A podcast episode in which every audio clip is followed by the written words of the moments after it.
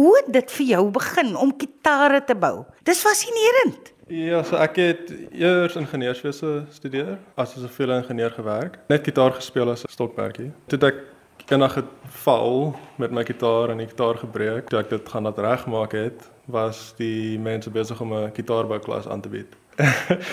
en toe na die eerste klas het ek al klaar geweet ek gaan nie meer baie lank ingenieurswese doen nie. Toe het ek vir so 3 jaar aangehou werk terwyl ek ehm um, die kursus op naweke gewees, Saterdag. So toe het ek ingenieurswese gewerk en Saterdag die klas gedoen en toe na die 3 jaar het ek bedank en Uh ja, en toe nou ek bedank het dat ek Michigan toe gegaan. Dit was ongelooflik. Die die skool wat ek daarna toe gegaan het, um Gallup School of Luthery. Dit's 'n baie baie goeie skool. Um hulle doen dit nou vir paar dekades. En in daai 6 maande het ek 3 gitare gebou. Jessie. In vergelyking met die deeltydse kursus wat ek hier in Suid-Afrika gedoen het, het ek 3 jaar kursus gedoen en oor 3 jaar twee gitare gebou. En toe doen jy vakmanskap. Ja, so toe ek teruggekom het na die skool in Michigan het ek 'n vakmanskap gedoen by my onderwysers wat ek by begin leer het hier in Meisenberg. So ek was vir 2 jaar daar en terwyl ek vir hulle gehelp het, het ek my eie gitaar begin bou. Hierdie goed wat jy hier moes hê, hoe werk dit? Dis eintlik maar net gebaseer op wat ek geleer het by die twee werkswinkels wat ek nou die kursusse by gedoen het. Die ding met gitare is jy kan dit doen met baie minimale gereedskap, maar dit dit vat net langer. So vir elke stap moet mens maar besluit of jy dit nou elke keer met die hand gaan doen en of jy 'n spesifieke stuk gereedskap gaan opstel om dit vir jou makliker te maak. Hierdie is nou om die kante van die gitare te ja? buig in in die vorm in. So die tradisionele manier is om 'n 'n warm pyp te vat basies. In die ou dae ja. sou hulle nou 'n vuur gebruik het om 'n pyp warm te maak. En dan maak jy die hout nat en dan geleidelik buig jy dit nou om hierdie warm pyp want die die stoom en jy het 'n uh, maak jy het uh, buigbaar.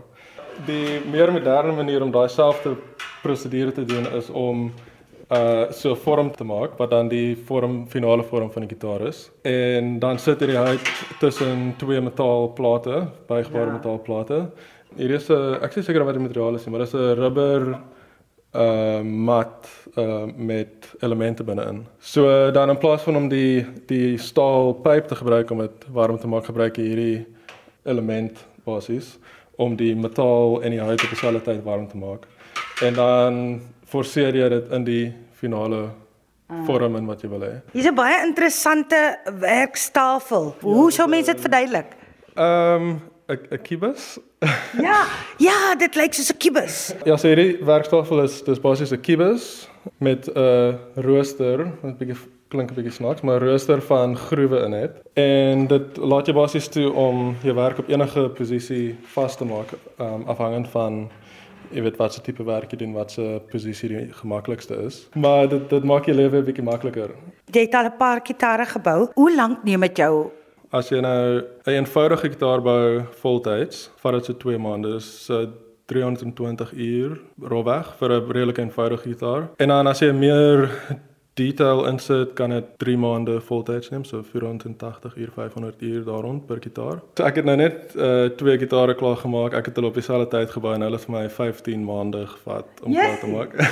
Dis seker hoekom gitare so duur is. Ja, Ja, vir al die handgemaakte gitare. Dit maak dit 'n bietjie moeilik ook as uh, net as 'n besigheidsmodel omdat uh, jy is besig om te kompeteer met uh, fabrieke wat hmm. honderde gitare 'n dag maak en hulle verkoop teen absurde lae pryse. Ja. Sodra mens met die hand begin maak, as jy baie effektief is en alles loop glad, is dit 3 maande voltyds. Gereeld is die materiale vir my gitare duurder as 'n voltooide fabrieksgitaar. Ehm um, Het jy een hier? Ooh. amper vat ek aan. Het jy dit gebou? ja, so hierdie ene ehm um, is nou vir 'n rukkie. Ek het hom in 2021 klaar gemaak. Iemand het gister Dis 'n mooi gitaar. Sjoe.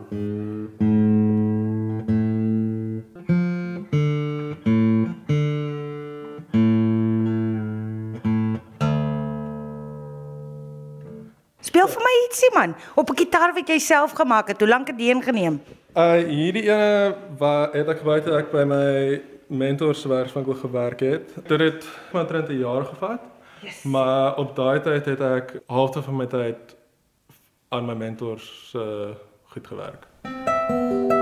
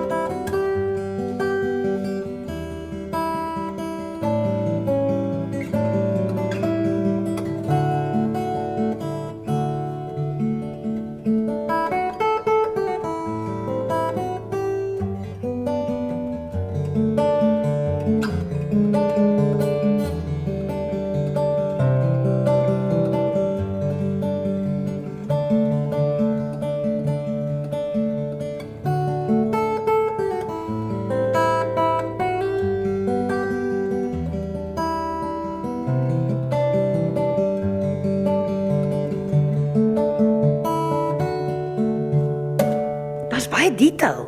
Daar's baie detailwerk, ja. En dis dis die tipe ding waar jy jy kan natuurlik kies hoe baie detail jy nou gaan inkorporeer. Hmm. So met werk met relatiewe humiditeit. So relatiewe humiditeit is uh gekoppel aan die temperatuur.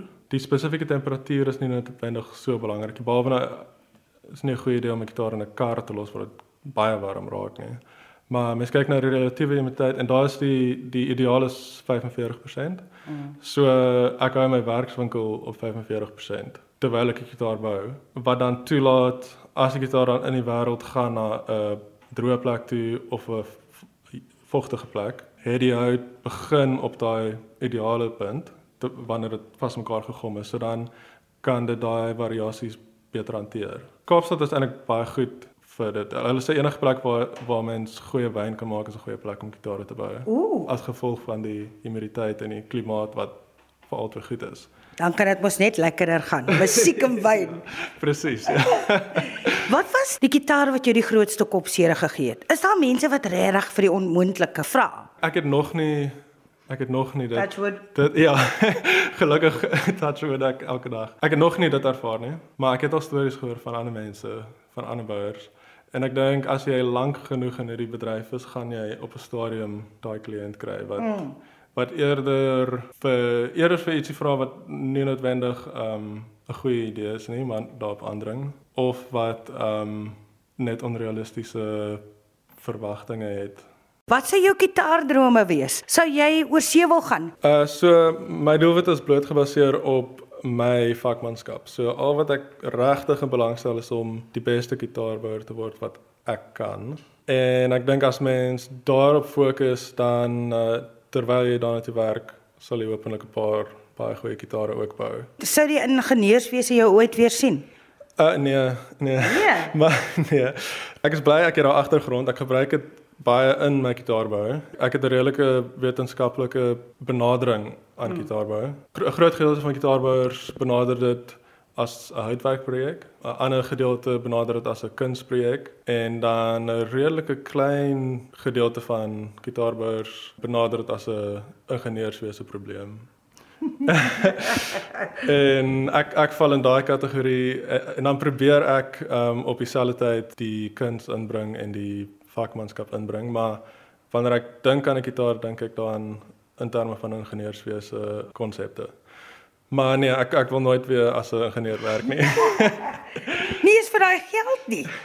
Ehm um, dit was definitief die die moeilikste die moeilikste ding om op te gee, op prys te gee om 'n salaris te verdien. Ek dink as enige iemand wat hierna luister dan dink om gitare te bou vir 'n lewe, ehm um, moet hulle net eers besef dat dit 'n aardige manier is om geld te maak. so uh, ek dink mens mens kan 'n lewe daaruit maak as jy nie 'n baie duur leefstyl het nie. so gepraat van duur, wat die goedkoopste gitaar wat jy al gebou het en die duurste een? As ek mag vra. Ja, uh, so my meeste van my gitare word gebou um vir uitvoer. Ja, so hierdie een is op pad Amerika toe. Ek moet hom nou net in 'n nog in 'n boks sit. Um so hy's nou net klaar gemaak. So hier is een van die een van die duurder eenes wat ek tot dusver gebou het. Ehm um, meestal as gevolg van al die detailwerk. So my my pryse op die oomblik begin by 7000 dollar.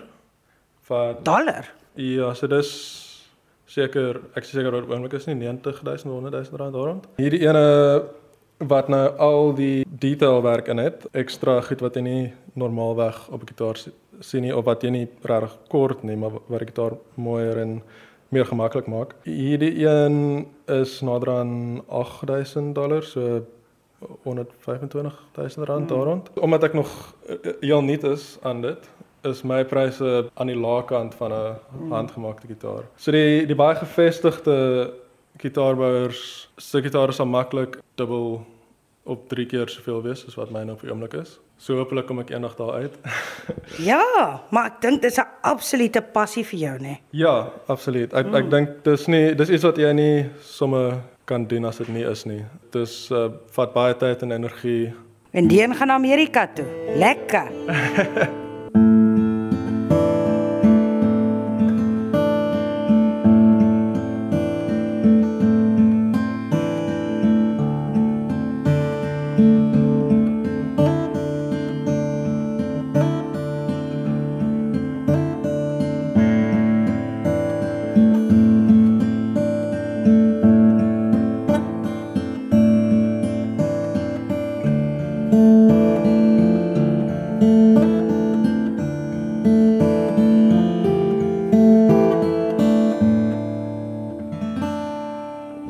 Lieflik.